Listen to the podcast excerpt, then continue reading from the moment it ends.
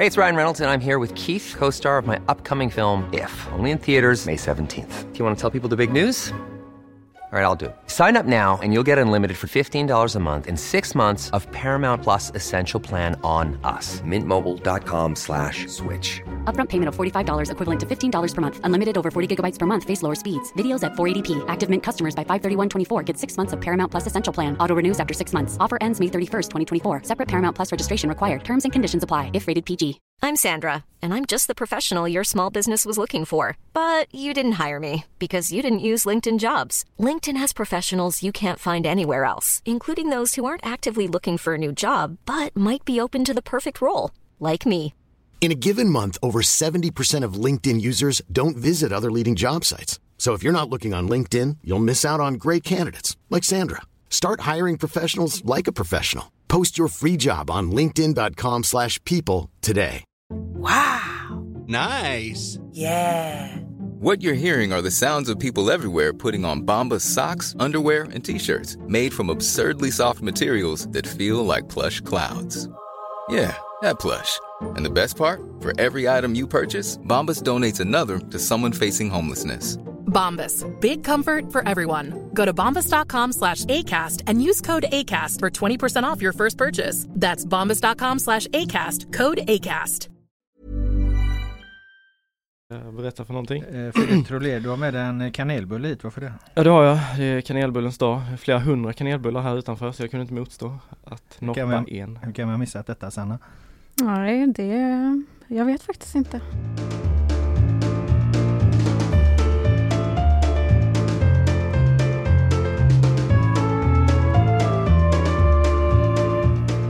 Hej och välkomna till GPs fotbollspodd Laul med vänner som fokuserar på fotboll i allmänhet och fotbollen i väst i synnerhet. Den här gången med Filip Trollér och Sanna Sundberg i studion. Välkomna! Tack så mycket. Var vi inga fotbollsvänner idag? Jo, det är, ni, det, det är ni alltid, men det har jag väl vid det här laget hamrat in hos våra lyssnare, eh, jo. tänker jag. Men om du kände dig förbisedd som fotbollsvän så kan jag understryka det Filip. Tack Robert, det känns mycket bättre. Underbart att höra. I dagens avsnitt ska vi som vanligt plocka upp det hetaste kring vårt bevakningsområde. Och det är ju faktiskt just nu tveklöst superettan. Eh, kampen mellan Gais och Utsikten om den allsvenska direktplatsen. Och ÖIS då som tog en eh, viktig seger i botten av tabellen. Har de rest sig på nio är ju frågan. Eh, men det händer ju grejer runt om oss också utanför våran bubbla. Karl- e- Karl-Erik Nilsson, den före detta SVFF-ordförande, nuvarande RF-ordföranden och Uefa-styrelseledamoten är ju i rejält blåsväder. Det ska vi prata om. Vi ska också prata om Malmö FFs Pontus Jansson som är avstängd efter att ha förolämpat en dopningskontrollant. Eh, vi ska givetvis eh, eh, snacka om IFK Göteborg också. Men jag säger som jag brukar här i inledningen av de här poddavsnitten till panelen. Har ni någon spaning? Eh, spaning, jag vet knappt hur jag ska klassa det som spaning men jag tycker ändå det är bara, jag vill bara konstatera det att med fem omgångar kvar av Superettan så är det eh, fyra lag som har säkrat kontraktet nästa år. Mm. Det är ändå sjukt. Fyra lag av 16 och re, re, ja just det. Ja, det, det, det, Det är otroligt faktiskt. Det, det känns ju oöverträffat. Ja, Eh, det- till och med i Superettan. Ja, jag tror faktiskt det. Alltså det är helt eh, Landskrona som är femma, jag tror de har eh, 35 poäng eller om det är 33 eller sådär men eh, och ner till kval är det då eh, de som ligger på kval har 28. Så det är Så att, så att i, i, liksom i en extremvärld så skulle alltså Landskrona som Absolut. ligger som är femma i Superettan just nu Absolut. kunna, kunna ramla ur. ja. Så det är, det är ändå otroligt. Det var ändå en, en eh, föredömligt eh, bra men kort eh, spaning som, som inte behöver kommenteras mer än så. Sanna har du Mm. något? Ja, Jag hade ju den här agentgrejen som man kanske skulle kunna använda som en spaning. Det tycker jag. Det handlar ju om det här nya agentsystemet som trädde i kraft nu den eh, första oktober. Eh, och på grund av det här nya regelverket så är det många agenter som står utan licens. Eh, för de nya reglerna det kräver att man gör ett test eh, och det testet som gjordes i december kuggade 80 till 90 procent av alla de som genomförde testet. Eh, det är ju otroliga siffror. Vad, vad tycker ni om det? Det är, det är höga siff siffror men med tanke på liksom hur, hur den här agentbranschen har utvecklats de senaste åren med, med, med alla liksom eh, Ja men mer eller mindre tvivelaktiga figurer som far runt och försöker göra spelaraffärer så jag är väl inte helt förvånad eh, ändå även om det är som sagt höga siffror. Mm, ja precis. Vet vi något mer om vad, vad, vad det var för typ av test typ eller? Det, det var ett test med ett antal frågor. Jag kommer inte ihåg exakt hur många frågor. Eh, ska vi se. Vad som hade varit otroligt roligt eh, hade ju varit att eh, hämta, eh, hämta det eller be, om det testet helt enkelt. Hade Kontakta och, och publicera det. Ja. och, och så här, hur många hur många frågor klarar du på agenttestet? Det är en bra, Ja. bra, bra Ja, det- artikel. det- Det är en superrolig artikel. Det tror jag folk hade älskat att, se. Kan du bli agent? kan du bli liksom en, en, en ny, vem är den största svenska agenten här just nu? Martin Dahlin eller vem, vilka fan är det?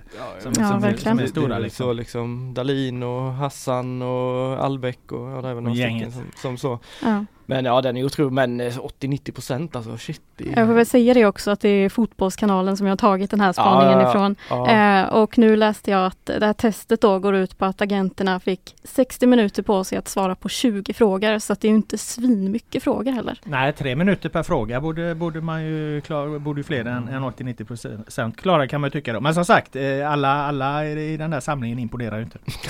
Nej, ett, visst underkännande till branschen låter det Ja, som. Men vi får väl hålla oss lite innan vi har sett dem. Nej, du kan ju inte heller vara helt förvånad Filip. Du har också sett vad det är för, för figurer som far runt. ibland. Ja, nej, nej, det, det är jag inte. Det finns absolut duktiga, seriösa agenter, men det finns också som eh, man har kunnat både läsa och höra och allting att det finns en hel del fula fiskar och en hel del som bara glider med lite grann sådär. Så eh, nej, jag, skulle, jag hade tyckt det var sjukt kul att ta del av det här testet faktiskt. Vi får leta fram det Sanna. Där. Ja, vi får återkomma till Mm, det. det Men kul var väl ändå att både jag och Filip har en spaning idag. Ja, det det hör ju inte till vanligheterna. Eh, Bra spaningar också. Det som är intressant med den här agentspaningen är ju också att det ska bli otroligt intressant att följa vad det får för eh, faktiska konsekvenser. För det här införs ju som en effekt av att det har varit vilda västern i hela världen egentligen sedan de tog bort liksom det gamla agentreglementet. Det gjorde de ju för, för en sju, åtta år sedan eller vad det var. Och sedan dess har det varit som sagt eh, vilda västern. Det har, inte, det har inte fungerat. Nu gör då Fifa ytterst ett nytt försök med att, eh, Mm. med att eh, få ordning på den här liksom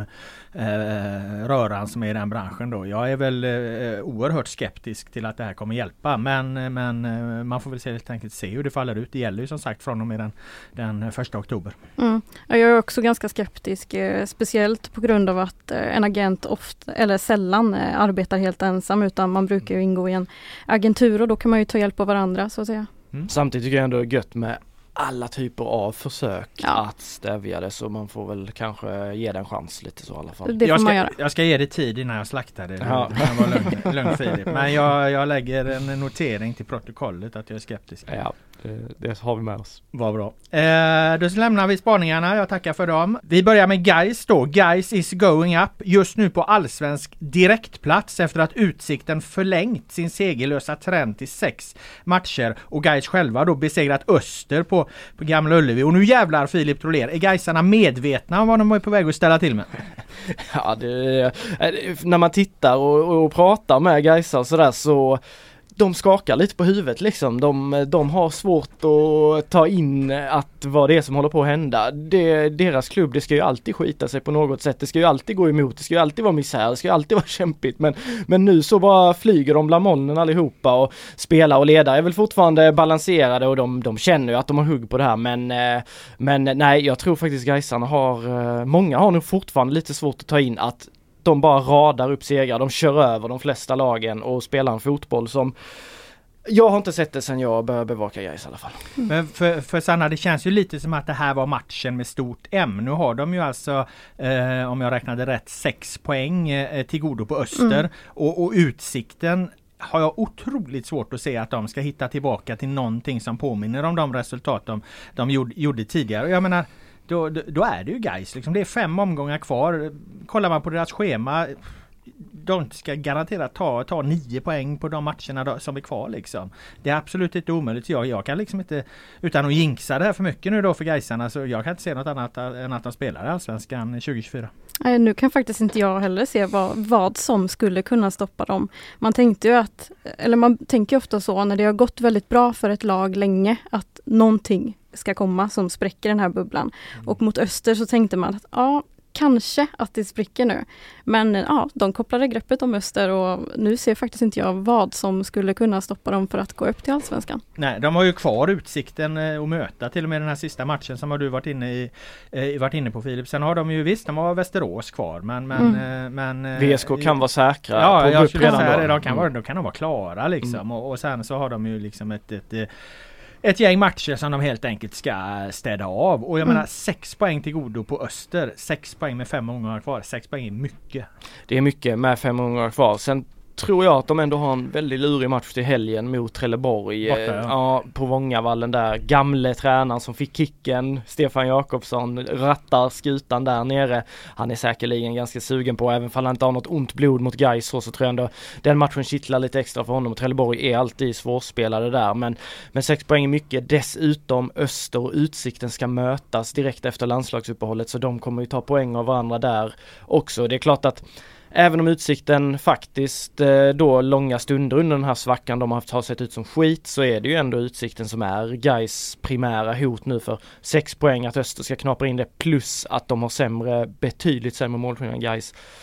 Ja, jag har svårt att se det hända och jag, jag, tror inte här och nu heller att Utsikten kommer ha något att sätta emot Gais utan Guys is going up. Ja, eh, och när man tittar liksom tillbaka på, på matcher och så. Du har ju följt det här mycket noggrannare. Men det var lite matchen med stort M-känsla över den här segern mot Öster, var det inte det? Jo, absolut. Alltså, det var här, det hände liksom. ja, faktiskt. Alltså ÖIS-derbyt, Helsingborg, absolut och Gävle. Det, det är ju stora segrar, häftiga vinster, massa mål. Men det var ju det här, det var ju här kraftmätningen skulle komma. Skulle Öster vinna den här, då hade de varit uppe jämsides. Skulle det, då hade det blivit en jävla massa nerver. Då hade det blivit en jävla massa nerver och då är det inte kanske alltid det laget som har spelat den bästa fotbollen som tar sig hela vägen utan Öster är ju också ett så här ett hårdfört lag, bra i omställningar med Jesper Westermark, Adam Bergmark Wiberg, Vladimir Rodic, alltså duktiga där framme, vassa så. Men jag tycker Gais som bygge har fler strängar på sin lyra. Och första halvlek de gör igår, eh, det är ju bland det bästa de gjort på hela året och att ta fram det mot Öster i den här matchen Eh, så ruskigt imponerande, alltså deras återerövring om man vill, om man vill se hur bra högt pressspel ser ut då kan man slå på första halvlek från, från igår. Det var, det var ju slakt faktiskt. Jag var på matchen. Ja. Jag har inte sett så mycket guys men jag var på första halvlek. Sen tyckte jag det blev för kallt så jag gick hem och så. sen var så, jag, så, så, jag, så jag gick hem och såg andra halvlek på TV. Um, jag håller med om pressspelet där. Uh, men, men det jag blev mest imponerad, jag ska se om ni håller med om det. Det jag blev mest imponerad av det här guys. Det är faktiskt den oerhörda fart de de kan eh, anfalla med på få tillslag på spelare i rörelse. Den, eh, den doftade allsvensk, eller den doftade den stank allsvensk klass alltså för det, det går oerhört fort mm. eh, när de tar sig från, liksom, från eget straffområde egentligen och, och till målchans. Sen mm. är de ju väldigt ineffektiva med, med allsvenska mått mätt. De kommer, om de går upp i allsvenskan, behöva ha vassare anfallare vad det gäller att få, få eh, få hål till exempel på, på Öster här. Det, det, det, tror jag och det är ju det som kostar pengar i fotboll också så det är ju inte konstigt. Men det de kan påverka, det de har byggt. Det var otroligt imponerande att se den farten. De på ett par få tillslag kan komma framåt i planen på spelare i, i, i rörelse. Det, det var imponerande att se och det såg man ju i den här första halvleken då där de ju var jävligt bra men ineffektiva. Mm. Ja, man är ju svag för den typ av farten, verkligen. Men vad var det som gjorde att de inte fick in ett mål under första halvlek då? Eller vad? Ja, jag, jag, alltså det kan ju Filip svara på mycket bättre som har sett dem över längre tid. Men, men alltså, för mig var det ett klassiskt ineffektivt eh, lag och det som kostar liksom eh, mest pengar i fotboll det är ju, det är ju klassanfallare, eh, avslutare som, som sätter dit eh, varannat avslut. Och, och den, den, den typen av spelare såg inte jag i den här eh, matchen i, i, för Gais då när de ändå möter ett ganska bra och välorganiserat motstånd som Öster ändå får, mm. får säga sig. Så de kommer behöva vässa det i min bild. Särskilt om de blir av med Julius Lindberg då som, som ju spelar nia här och jätteduktig, jätteskicklig på väldigt många sätt. Liksom skapa utrymme för sig själv, hålla undan motståndare, ta sig förbi motståndare. Fan, han var hans tröja hel efter matchen och drog han i tröjan hela jävla tiden alltså. Ah, sen, så, sen så sa jag ju till dig innan jag gick också att jag tänker Mervan Selik, jag vet inte hur många, hur må- hur lång tid han har kvar på karriären. Jag tycker att, att eh, där behöver de kanske också förstärka. Det här gillar Latte Gaisarna att höra men det var, det var en snabb spaning från mig i alla fall. De bytte väl ut honom också och Det gjorde gjorde 1-0 de. sen. Absolut, så det, Mervan gick ut där efter någon timme, Axel Henriksson kom in och det dröjde inte så länge så, så kom målet och de fick ny energi efter att Mervan, sen ska man säga, han har nog, han har gjort 10 baljor nu tror jag. Det är ändå, det säger ändå någonting. Ale Holmström har gjort 8, Julius har väl gjort eh, någonstans där också. Så de har ju visat prov på målskytte men det är klart att effektiviteten har i långa perioder varit kanske den, på många sätt, den enda bristen de har haft det här året och det sa ju Fidde Holmberg också i somras när de hade sin svacka på fem raka var det väl utan, utan seger då. Då var det ju att de fortfarande skapar extremt mycket chanser, alltså de har ju ett XG i många matcher som är helt otroligt. Men de gjorde inte mål på chanserna. Nu har de skapat så in i helvetes mycket så att trots att de har bränt så mycket så, så kommer ändå målet till slut. Mm. Och de andra lagen har Dels på grund av Gais fart, att de är så jobbiga att möta, att de tröttar ut de andra lagen med den här farten som påminner ganska mycket om det Häcken har visat när de är i sitt flow.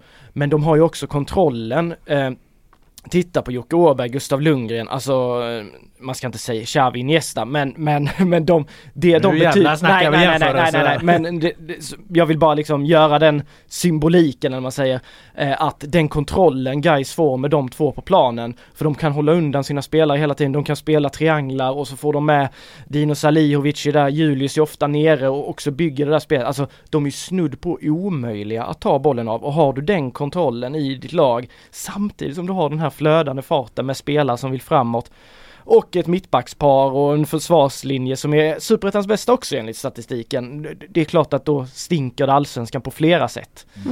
Eh, Det var ju också intressant för mig som inte har sett så mycket eh, Superettan fotboll live i år att först vara på Utsikten AFC på måndagen eh, och sen gå på eh, Gais Öster på tisdagen för det var ju en oerhörd skillnad på de två matcherna rent kvalitetsmässigt. Eh, visst AFC är, är ett eh, bottenlag men Utsikten är ju trots allt enligt tabellen ett, ett eh, topplag men spelar ju absolut inte eh, som ett. Så att när, när, jag sen kommer till Gamla Ullevi och, och, och ser då en toppmatch på riktigt någonstans så, så, så, så var det, blir det i alla fall tydligt för mig att, att, att Utsikten är väldigt långt ifrån den nivå som, som Gais Öster presterar på. Mm. Ja det tycker jag också. Sen blir man, jag tror man omedvetet blir väldigt påverkad av den inramning som är när Utsikten spelar match också. Det blir träningsmatchkänsla runt hela alltet. Att, att det här är inte något där det står på spel. Alltså det Men blir det var den inte så jävla mycket folk på uh, Gamla heller. Nej det var det inte, men, men, till nej absolut inte. liksom. Nej det var ju fyra och fyra knappt väl eh, och det, det har jag ju en stark åsikt om att det inte är tillräckligt bra. Men, men det blir ju ändå tryck där, Gais-supporterna skapar ju tryck och det blir eld och hets och liksom energi i det hela tiden. På Utsikten blir det ju liksom lamt. Men jag håller med, första halvlek mellan Utsikten och AFC den var, alltså det var ju faktiskt bedrövlig kvalitet. Sen tycker jag Utsikten gör faktiskt en riktigt, riktigt bra andra halvlek. Men det är ju fortfarande, om du ställer det mot det vi såg Gais Öster, så är det inte på den nivån alltså. Vad säger du om publiksiffran ändå Sanna då på eh, Gamla Ullevi här? Eh, det är liksom, jag vet inte när Gais spelar en så här eh, avgör, potentiellt avgörande match. Det kommer fyra, fyra och ett halvt tusen på den. De brukar häckla Häcken rätt mycket för, för, för sina publiksiffror. De här liksom Gaisarna som är allra mest uppstudsiga. Men, men jag menar det här är ju färre än vad Häcken eh, lockar på, på, en, eh, på en eh, het allsvensk match. Mm. Nej, men det är inte tillräckligt bra. Det är väl bara att konstatera. Alltså man trodde ju ändå att efter insatsen i derbyt att det kanske skulle lyfta. Och jag kan faktiskt inte förstå att när man är i den här sitsen och har möjlighet, man vet att man har chans att gå upp till Allsvenskan, vill man inte fira det med laget då? Är det inte lite därför man är supporter, eller? Jo absolut, Eh, jag är också, jag har, jag har varit inne på det så många gånger så jag, jag tror kanske vissa gaisare är trötta på att höra det men jag ser också att väldigt många håller med. Mm. Eh, och även Axel Henriksson var ju efter matchen inne på att vad fasen nu måste väl folk komma. Fredrik Holmberg inför matchen uppmanade när jag pratade med honom på träningen. Kom alltså, då var det sålt 3 och 5. Alltså det är den hetaste matchen, eller den största matchen, eh, alltså även större än derbyn och sådär. Den största matchen Gais har spelat på, på evigheter. Och det kommer fyra och tre. Alltså jag när jag satt och tittade på det här schemat för hösten då tänkte jag så här, Gais Öster, om Gais går bra fram dit och Öster går okej, alltså då har vi, snuddar vi nästan vid 10 000 på den matchen. För visst, Gaisarna kan säga att ja, men vi är inte så många och de är inte så många numerärt som, som IFK Göteborg, det är inte i närheten. De har en trogen kärna som, som kan vara 1500 man på en bortamatch och så är de kanske bara tre på en hemmamatch. Men den kärnan där på 1500-2000, de åker ju överallt och de liksom, de är ju så himla trogna. Men eh, samtidigt i vårdar, till vårdarbetet, då tror jag det var 9000, 9500 sålda på Gais sektioner mot ÖIS. Det visar ju ändå på att det finns ju ändå många som då är beredda att gå på superettan fotboll med Gais. Och när de spelar den här fotbollen, när som Sanna säger, när så mycket står på spel, när de har den här chansen, de, alltså de underhåller ju sin publik varje, varje match och folk går inte. Och det var inte så att, ja visst, veka personer som Robert Laul kanske går hem för att det var lite kallt.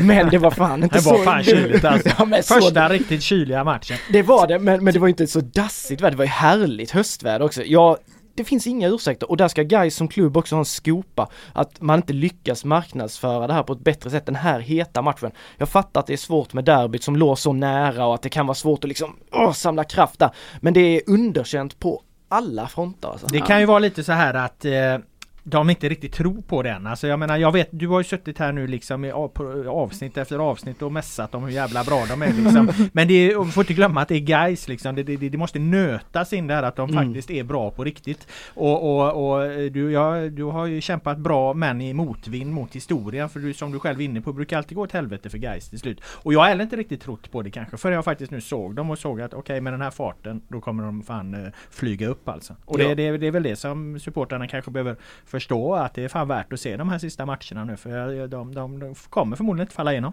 Mm. Så är det ju verkligen.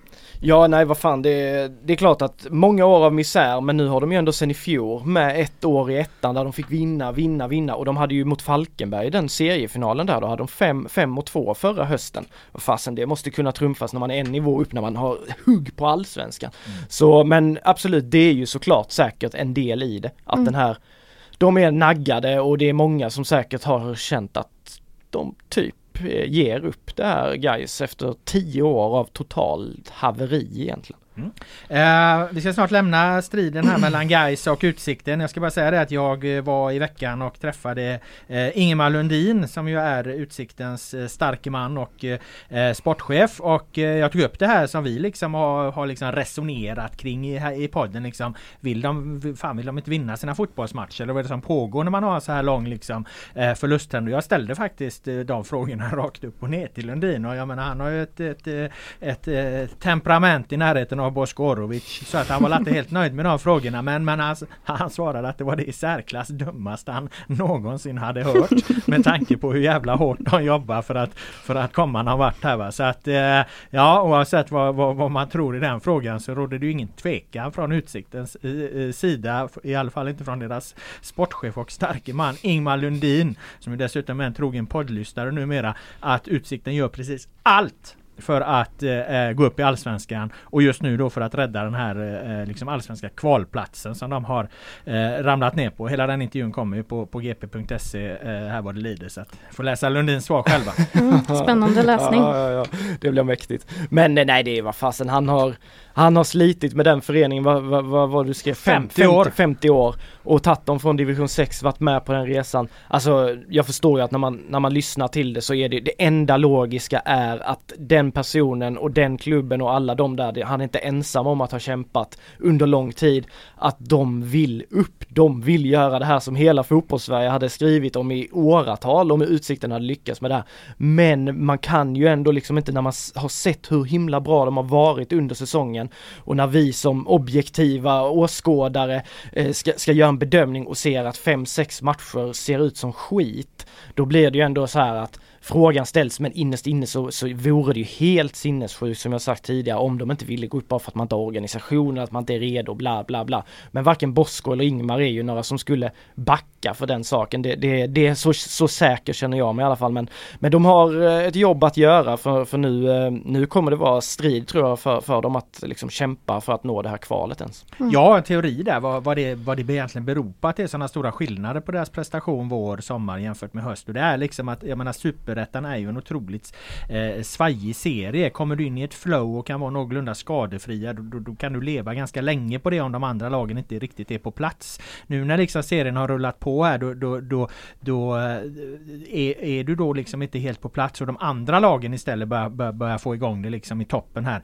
Då, eh, då blir det liksom eh, då, då blir det prestationen sämre av den anledningen. Vad jag försöker säga är alltså att det är egentligen inte det är egentligen inte det som pågår nu som är det anmärkningsvärda utan det som pågår kring Utsikten nu är det normala. Det här är deras normalprestation egentligen i ett superettan-sammanhang. Det var snarare liksom det som hände i våras och somras som sticker ut. Att det var det som var liksom lite mer svårbegripligt och så för de hamnar i flowet. Eh, serien var inte på plats, andra lag kanske hade problem och så vidare. Så att det, det skulle kunna förklara varför det är så stora skillnader. Det är alltså egentligen inte att det, att det är så jävla konstigt det som sker nu att de förlorar matcher utan det var snarare det som var i våra somras som är, är, är, är det som ut, sticker ut. Så kan man ju försöka förhålla sig eh, till det om man vill hitta en förklaring. Jag håller inte riktigt med. Jag tycker inte att eh, Utsikten, den här nivån på prestationerna tycker jag inte är deras normalläge. Så pass mycket har jag ändå sett av dem över tid här. Även i fjol så tyckte jag de hade extremt hög höjd i sina höga perioder då.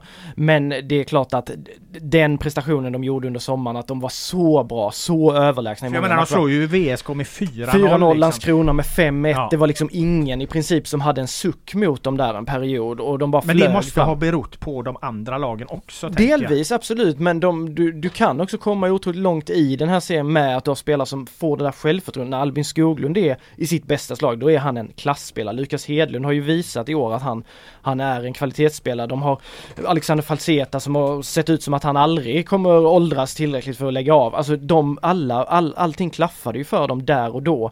Men sen har de ju fallit igenom. Jag tror snarare det är så att någonstans mitt emellan det här så ligger väl deras normalt presterande nivå men att de har sjunkit så här djupt det tror jag otroligt mycket har att göra med det mentala. Mm. Ja det är väl lite det jag menar att, att det är, Ja det är väl det, någonstans ja, men jag ja. tror inte de Jag tror inte Utsikten i grund och botten är så dåliga som vi i media och som, som alla trodde inför säsongen och som alla trodde förra året utan mm. de, är, de är ett gediget superettanlag Svinbra superettanlag var de under, under långa stunder den här säsongen nu är de ett svindåligt superettanlag och någonstans så kanske man landar. Men de kanske landar Sanna närmare den här sjätteplatsen som Bosko tippade dem på än en, en, en, en superettans serieseger också. Det är ju faktiskt inte helt omöjligt. Kommer de fyra så är de ju faktiskt närmare sjätteplatsen som Bosko när vi hade med han i våran eh, program innan säsongen här tippade de på. Det är mycket möjligt och det känns väl eh, någonstans, tycker jag i alla fall, som en mer rimlig plats för dem att hamna.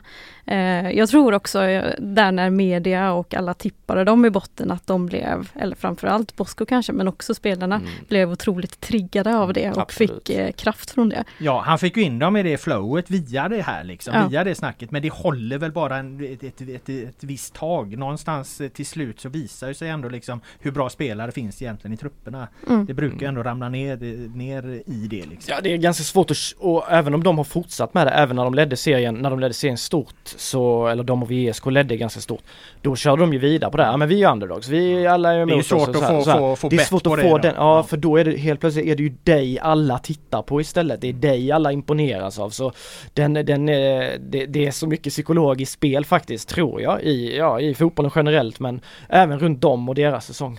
Mm. Eh, vi har snackat om Utsikten och Gais här nu nästan i en halvtimme. Eh, det är nytt poddrekord tror jag, men det förtjänar de för Superettan är glödhet och vi ska inte lämna Superettan. Vi ska hålla oss kvar i den. Vi ska förflytta oss dock i en annan riktning av eh, tabellen. Vi ska till botten eh, och frågan är ju där då eh, eh, till dig Filip här eh, direkt om ÖIS är på väg att resa sig på nio efter eh, seger i den här omgången. Ja, jag trodde väl efter derbyt så kände jag att eh, nu är det tack och godnatt nu kommer de falla ihop. De åkte ner på sista platsen då, även om Skövde släppte in massa mål och återtog den sista platsen så var de ändå så djupt ner, eh, utspelade av ärkerivalen, inga positiva tendenser egentligen, undantaget några, några okej minuter i början. Bara massa negativt är känslan runt ÖIS. Så för mig var det att, eh, ja, det är biljetten ner till ettan nu. Jag, jag, jag, hade faktiskt, jag var faktiskt färdig med att, att tro att de skulle kunna, kunna lösa det. Med nu- tanke på också efterspelet där som vi väl inte har diskuterat Nej, i precis. podden egentligen. Alltså med, med, med de tråkiga scenerna där, där det då kastas in bangers och knallskott och bengaler och skit liksom på plan och matchen bryts och liksom det blev bara en domedagskänsla över hela, hela ÖIS. Eh, har ju varit så tidiga också. Jag kände att, ja men nu, nu, nu, de kändes också bara som att vi vill bara dö nu liksom. Den, nej men den känslan var det efteråt att, och sen är det ju då, får man ju ge dem en otrolig styrka att kunna plocka fram det här och att Daniel Paulsson då, mannen som har varit i ÖIS i hela sitt liv, är den som skjuter tillbaka hoppet till ÖIS. Det finns något väldigt vackert i det. Skulle de lösa det då, eh, sa i något annat sammanhang att, att, att då, då finns det en väldigt fin berättelse att skriva där om, om Daniel Paulsson i, i dimman i Gästrikland. Det var otrolig dimma på den här matchen. Hur han liksom tog sin, sitt eh, hjärtats klubb tillbaka och, och, och tog dem till en, en säkrad superettanplats. Lite det som Marcus Berg har gjort för IFK Göteborg. Men det är en lång väg dit och ÖIS har svåra matcher. Eh, De har ett derby mot Utsikten på söndag som Ja. kittlar, eh, ja det kittlar otroligt mycket och eh, det är en tuff väg fortfarande men det är svinjämnt i botten och det kommer, allting kommer handla, avgöra här nu fem sista omgångar, vem hittar formen bäst, vem lyckas få med de där marginalerna?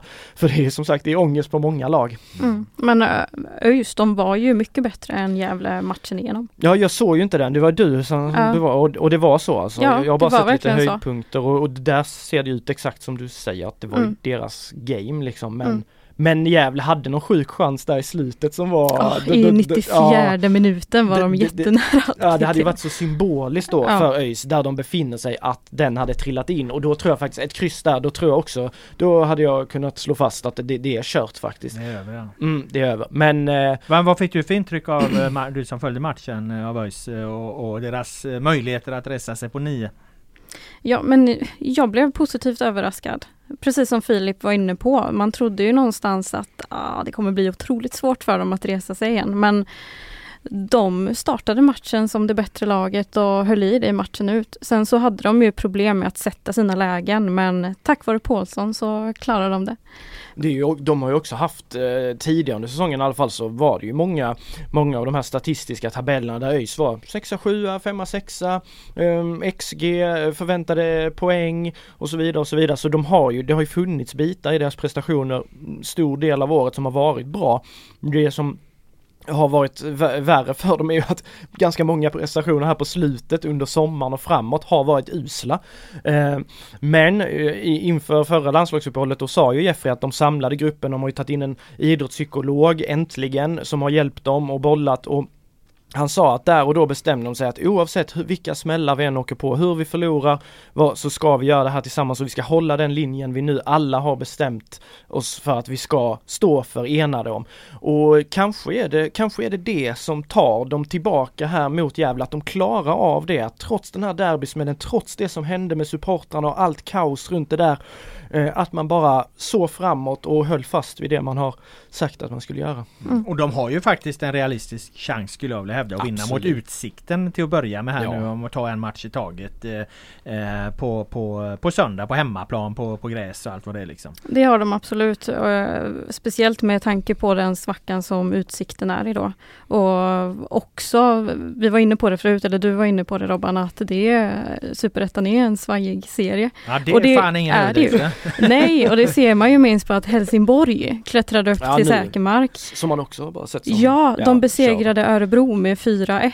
Mm. Och det var alltså Örebro som senast krossade Utsik- Utsikten med 5-1. Ja, ja. Så att man ser ju hur mycket det svänger. Ja, det är fan uh, superettan i ett nötskal de två resultaten du läste Ja. upp här eller drog här nu det Det senaste. är otroligt. Och att jum, jumbon Skövde som alla typ har trott skulle vara ute för länge sedan, helt plötsligt vann de över Östersund med 5-1 och bara har kommit ikapp ÖIS och liksom Alltså det är ju ett sånt race och det är hela tiden pendlade. Ena, ena perioden är det Brage som är i kris, man känner och de kommer åka. J Södra, de är i kris. De var ju bra i våras men har varit sämst sen.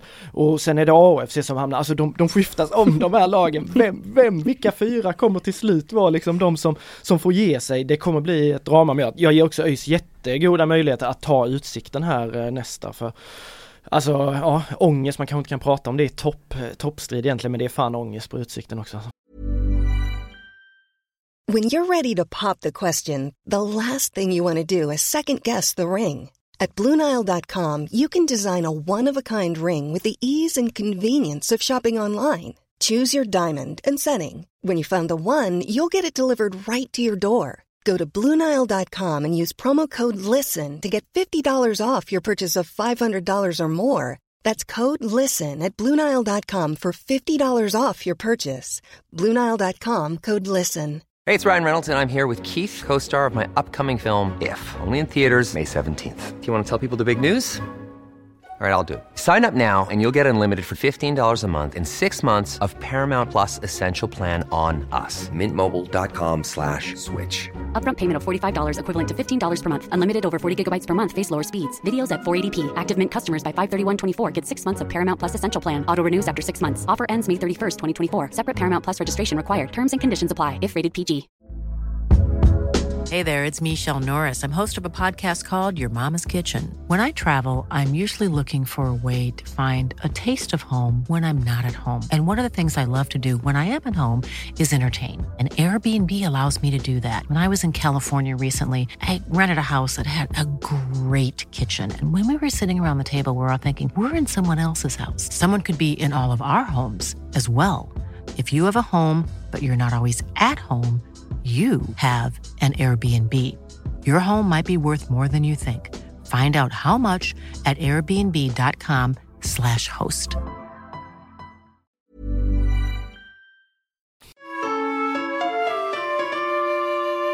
Vad gäller den allsvenska guldstriden då eh, så är väl det mest dramatiska som hänt i den att eh, Malmö FFs mittback Pontus Jansson, en stor allsvensk fixstjärna får vi väl ändå kalla honom, eh, ska ha betett sig dåligt mot en dopningskontrollant eh, och eh, eh, har blivit avstängd då i två matcher. Pontus Jansson ska vi säga förnekar dock att han ska ha använt orden knäpp, vrickad, idiot och knäppskalle till dopningskontrollanten. Eh, och frågan här då eh, Sanna, eh, vem tror du på? Jansson eller dopningskontrollanten? ja, det är väl inte så att man tror att kontrollanten har ljugit kanske om vad han sagt men sen så kan man väl tycka ett och annat om eh, det här straffet som de har delat ut. Det är ju ganska skevt att Pontus Jansson får avstängning i två matcher eh, för att han har sagt det där. Hugo Bolin, som inte har genomfört en kontroll, får inte ett lika hårt straff utan han får bara böter. Men ingen avstängning alls. Så det är ot otroligt skevt. Ja, Dubbla fett, signaler. Det är ju helt fett. Det visste jag inte om Bolin. Alltså, Nej. Jo men det kom, kom eh, om det var igår. Jag har missat dem. Ja. Jag var väl i superettan-bubblan. Men ja. nej det låter ju helt skevt ju. Sen måste jag ju säga knäppskalle, det är ju mäktigt om han har... hur, säger man det på malmöitiska? Jävla knäppskalle. Men Nej, jag kan höra att Jansson har ja, sagt det. det nu, kan, nu, nu, när, nu, när jag hörde det i lurarna så, ja. så tror jag fan det. Men det kanske kan också ha varit någon sån här språkförvistning där. Ponne har ju rätt grov skånska, jag vet inte den här Vadå att han egentligen sa något schysst och att han... Nej det tror jag inte. Vilket av orden... De exakta knäppskalle, jag är fortfarande förvånad över att Men vilket av orden knäpp, vrickad, idiot, eh, knäppskalle är det som dopingkontrollanten har missförstått eller har missförstått alla fyra? nej, det tror jag inte. Så nej, vi kan ju inte skydda Jansson från det. Men, men knäppskalle, jag var så förvånad över att han hade sagt knäppskalle. Men jo, när man säger med Pontus Jansson röst så, knäppskalle, ja, jo, han, jo, han kan nog fan säga det. Alltså. Imitationen. ja, den är bra alltså. Den är bra. Han har en ny karriär tror jag. nej, du, nej, nej. Alltså jag säger så här alltså, hade det varit så att dopningskontrollanter i parti och minut och tid och otid gick ut och liksom anklagade eh, människor eh, för att säga massa konstiga saker så, så hade jag väl eh, eh, trott att det hade kunnat finnas någon som helst chans att Pontus Jansson inte har sagt de här grejerna. Men, men jag har aldrig hört talas om att en dopningskontrollant har anklagat en, en, en allsvensk spelare eller en idrottsman överhuvudtaget för, för något sånt här. Så varför i hela fridens namn skulle dopningskontrollanten plötsligt påstå de här sakerna om det inte har hänt? Alltså det är det med logik någonstans så, så säger jag att, att Jansson han har sagt knäpp, vrickad idiot och sen kan vi säga då att knäppskalle kanske han missförstod då. Men de andra tre grejerna är helt övertygad om att Jansson har sagt detta. Ja, mm. jo men så är det. Det finns ju som du säger, det finns ju ingen anledning att konstruera ihop något sånt där. Det skulle väl vara om dopingkontrollanten har några hemliga sympatier hos Elfsborg möjligtvis. Men, men, men det, Kanske en bra koll i och för sig. vi får göra det. Boråsare detta nu då. Ja exakt, försöka finta bort. Andreasson som hade klätt ut sig i kostym. Eller någon liten mullvad han har skickat in där i doping. men nej det, det, det är nog bara för Ponne att tugga i sig där. Men vad tycker du om att Bolin kommer undan lindrigare än Ponne? Håller du, vi är ju starkt emot det, men du verkar... Eh, eh, nej, jag, jag har väl egentligen ingen annan eh, anledning eh, eh, att säga något annat än, än, än vad ni gör där. Det beror väl lite kanske på vad böterna är. Har de smält till med en rejäl bot så, så, så kan väl det svida nog så mycket som, eh, som två matcher. Men det brukar ju vara så i olika juridiska bestraffningsärenden att vissa saker bestraffas på ett sätt, andra på ett annat och så kanske man inte har tänkt så mycket på det förrän de ställs eh, bredvid varandra och, och, och, då kanske det finns anledning att, att, att, se över hur man ska, hur man ska bestraffa då. Eh, det som jag tycker, alltså jag tycker att Jansson förtjänar sin avstängning alldeles oavsett vad, vad, vad Bolin har fått och det är för att jag tycker att det är så dåligt av en allsvensk stjärna på den nivån som han ändå är att sparka rakt neråt mot en, mot en dopningskontrollant om det nu har, om han nu har betett sig illa mot den. Jag tycker det tyder på någon form liksom av, av, av eh, respektlöshet. Jag gillar inte när, när stjärnor så liksom sparkar neråt mot människor som dessutom gör ett jävla viktigt jobb. Liksom. Vi vill inte ha någon jävla dopning i, i, i allsvenskan eller idrotten överhuvudtaget. Vi ska vara otroligt tacksamma för att det görs ett arbete för att få, för, för, få bort sån skit. Va? Så att, så att det, eh, om det nu är så att Jansson har, har betett sig dåligt här så, så tycker jag att han förtjänar sina matcher eh, alldeles oavsett vad, vad, vad någon annan har fått. Det är väl min syn på det. Ja, det, det kan jag väl eh, kan jag väl någonstans skriva under på men eh, personligen så tycker jag att Bolin borde fått, fått fler matcher än vad Jansson borde ha fått i alla fall. Eh, bra, eh, då lämnar vi den delen av detta och eh, konstaterar att Malmö FF utan Jansson eh, vann mot eh, Brommapojkarna. Behåller greppet i, i guldstriden. De vann visserligen ganska eh, knappt men vann ju ändå och eh, eh behåller som sagt greppet då i guldstriden. Sanna du var ju på du var ju Borås eh, samtidigt för de här matcherna spelades ju samtidigt då. Elfsborg mötte ju Varberg samma kväll där och även Elfsborg darrade ju får man väl säga. Du låg ju för fan under. Du skickade ju till oss när vi satt på, på utsikten jag och Filip där att, att, att, att, att de hade gjort mål Varberg. Jag trodde fan mm. knappt det var sant.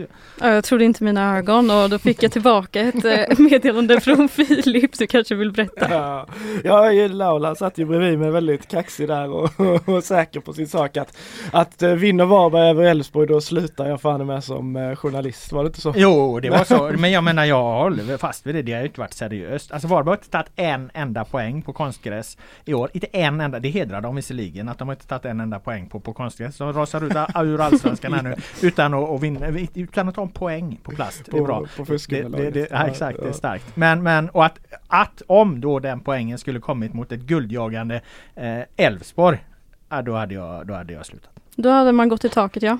ja. Nej, men eh, det var ju det blev väldigt mycket mer dramatiskt än vad man innan matchen trodde. Eh, Elfsborg, eh, de var inte alls påkopplade. Det var mycket slarv, det var många misstag. Och det var till slut det som straffade dem och gjorde så att Varberg tog ledningen i matchen. Och sen så hade ju Elfsborg, de, de spelade upp sig där i första halvlek och fick in två ganska snabba mål varav ett efter en straffsituation. Eh, men jag skulle inte säga att det var helt hugget i sten att Elfsborg ändå skulle vinna den här matchen för Varberg hade chans i andra halvlek. Och även fast det är klasskillnader på lagen såklart så mm, Elfsborg släppte in Varberg alldeles för mycket på ett sätt som man inte får göra med ett bottenlag som Varberg. Vi har ju pratat om det tidigare med Elfsborg här att om de sålde guldet och allt det här liksom. Mm. För att det har ju, varit, det har ju varit svajigt en längre tid nu ändå. Eh, får man ändå säga. Även om de nu reder upp den här matchen till slut och vinner den så. Jag vet inte, vad är din bild? Du har ju bevakat Elfsborg här ett tag. Alltså, det känns de liksom de, de känns ju inte, tycker inte jag i alla fall, så, så, så stabila på något sätt egentligen som de gjorde för ett par månader sedan. Nej, det är mycket slarv. Det är mycket individuella misstag. Passningarna sitter sitter inte och det blir inte så farligt framåt. Är inte det lite typiskt då man har mycket nya spelare och så här att man liksom man, man, relationerna är inte riktigt där liksom. Då blir det den här typen av, av, av återkommande misstag liksom. Såklart så är det ju men min känsla är också att de är lite bättre mot bättre lag. Jag tror väl ganska mycket av det kanske är kopplat till att de eh, Precis som Häcken och om vi nu har pratat guys och sådär, de bygger ju otroligt mycket av sitt spel också på fart och eh, lag som packar ihop, typ då Varberg och, och andra lag som kommer i alla fall kan jag tänka mig till Borås Arena och defensivt inställda. Det är ju mycket svårare mm. att luckra upp och Elfsborg är ju sämre på det spelet än när det blir öppna spel. Då när det blir det då får ju de ut sin absoluta spets vet jag så några matcher i våras när när Bernhardsson och Ondrejka och Ockels och de här bara får löpa så då är de ju fasen typ omöjliga att stå emot nästan. Ja de var otroliga mot Djurgården, jag vet inte om den matchen Jo, du tänker jo, på där den borta. Liksom. annat, Alltså, då, alltså, då spelade de, då kändes de, slakt, de här alltså. kommer springa hem allsvenskan. Mm, Men, men, nej. Men, eh, men nej, nu ställs det ju andra krav då när också lagen ser ju var Elfsborg är i tabellen och ser ju vad de är bra på och ut med säsongen kanske man vrider om lite hur man angriper dem när man möter och lag lär av varandra och de gjorde så. Ja, okej. Så är det någon som lyckas med ett lågt stående försvars mot Elfsborg, ja kanske nästa lag också liksom lite så tror jag ändå att det påverkar. Men det är, nej, Halmstad där, skakigt nu, skakigt. Det var väldigt skakigt ja. Mm.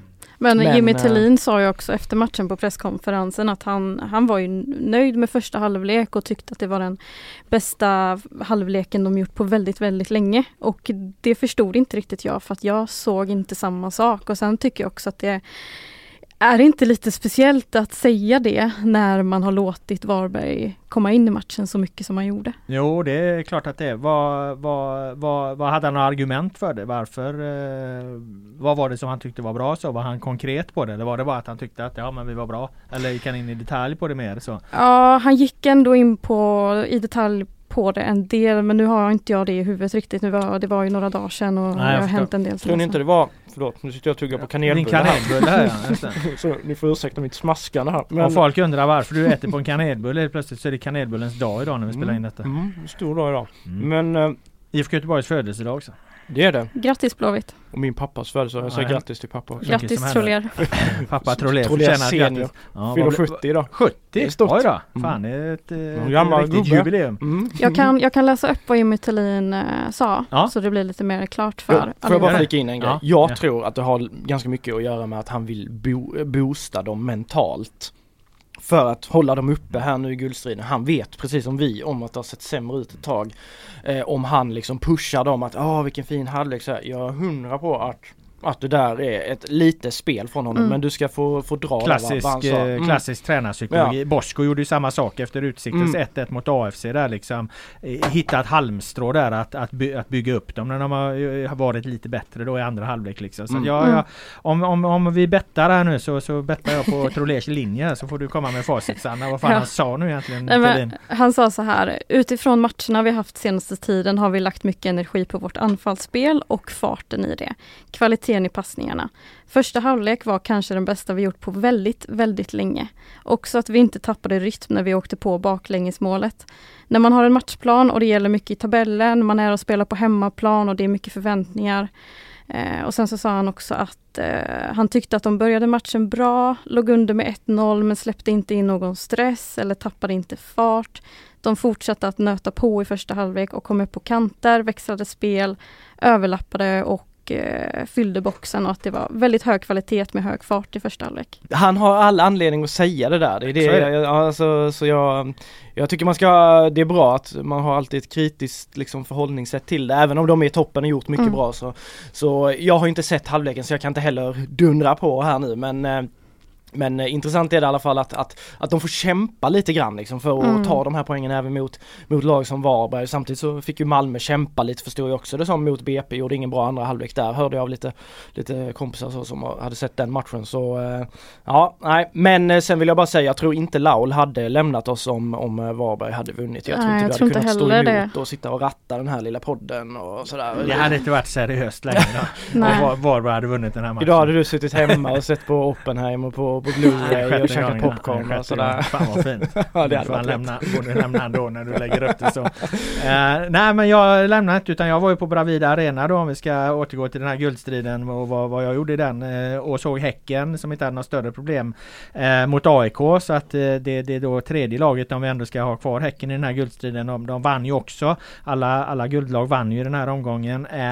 De hade som sagt inga, inga större problem när de, när de lyckades bryta ner AIK bland annat efter ett misstag av AIKs målvakt Kristoffer Nordfeldt. Men jag, jag känner fortfarande att magin är lite bruten kring, kring eh, Häcken. Det är inte så självklart som det har varit tidigare. Visst, det är klart de, klar, de vinner över ett bottenlag som AIK på hemmaplan. De är starka på eh, på Bravida Arena men nu är ju då poängavståndet eh, oförändrat där. De är fortfarande eh, 4 och 5 poäng efter då eh, eh MFF och Elfsborg i toppen. Så att jag ser i alla fall efter den här omgången ingen anledning överhuvudtaget att ändra mig. Utan det, här, det är ju eh, Malmö FF och Elfsborg som kommer, kommer, kommer göra upp om det här. Jag vet inte om ni har någon annan eh, inställning kring det? Nej. Eh, nej, det har jag. Det, nej, det har jag väl inte. Men eh, jag tycker ändå det är starkt av Häcken att, eh, att, för jag tycker de gör en bra prestation. Jag såg den här matchen. Jag tycker de gör en bra prestation och eh, håller nere ett AIK som ändå kom dit med massa derbyenergi, derbyvinstenergi i ryggen. De hade ju, ju faktiskt spelmässigt kört över Djurgården innan dess. Så att Häcken ändå stänger ner dem tycker jag är relativt komfortabelt och, och ändå håller sig lite med i striden där bakom. Liksom ligger och gör gömmer sig lite där nu och smyger om de andra skulle gå på någon mina eller två. Eh, så länge de liksom bara kan göra det jobbet, då tycker jag fortfarande att Häcken har gjort, gjort en fantastisk säsong, liksom topp tre och sådär. Eh. Ja det håller jag med Det är en fem plus säsong alldeles ja, oavsett om de klarat det. Jag menar bara att jag inte ser dem Nej, jag, nej jag ser inte heller att åh, här är en comeback in i guldstriden liksom. Men, eh. men däremot, mycket till. Ja, mm. däremot eh, apropå AIK där, ska jag lära dig en sak. Vet du vad en, det finns en, en, en gammal derbysanning uppifrån Stockholm, vet du vad det är?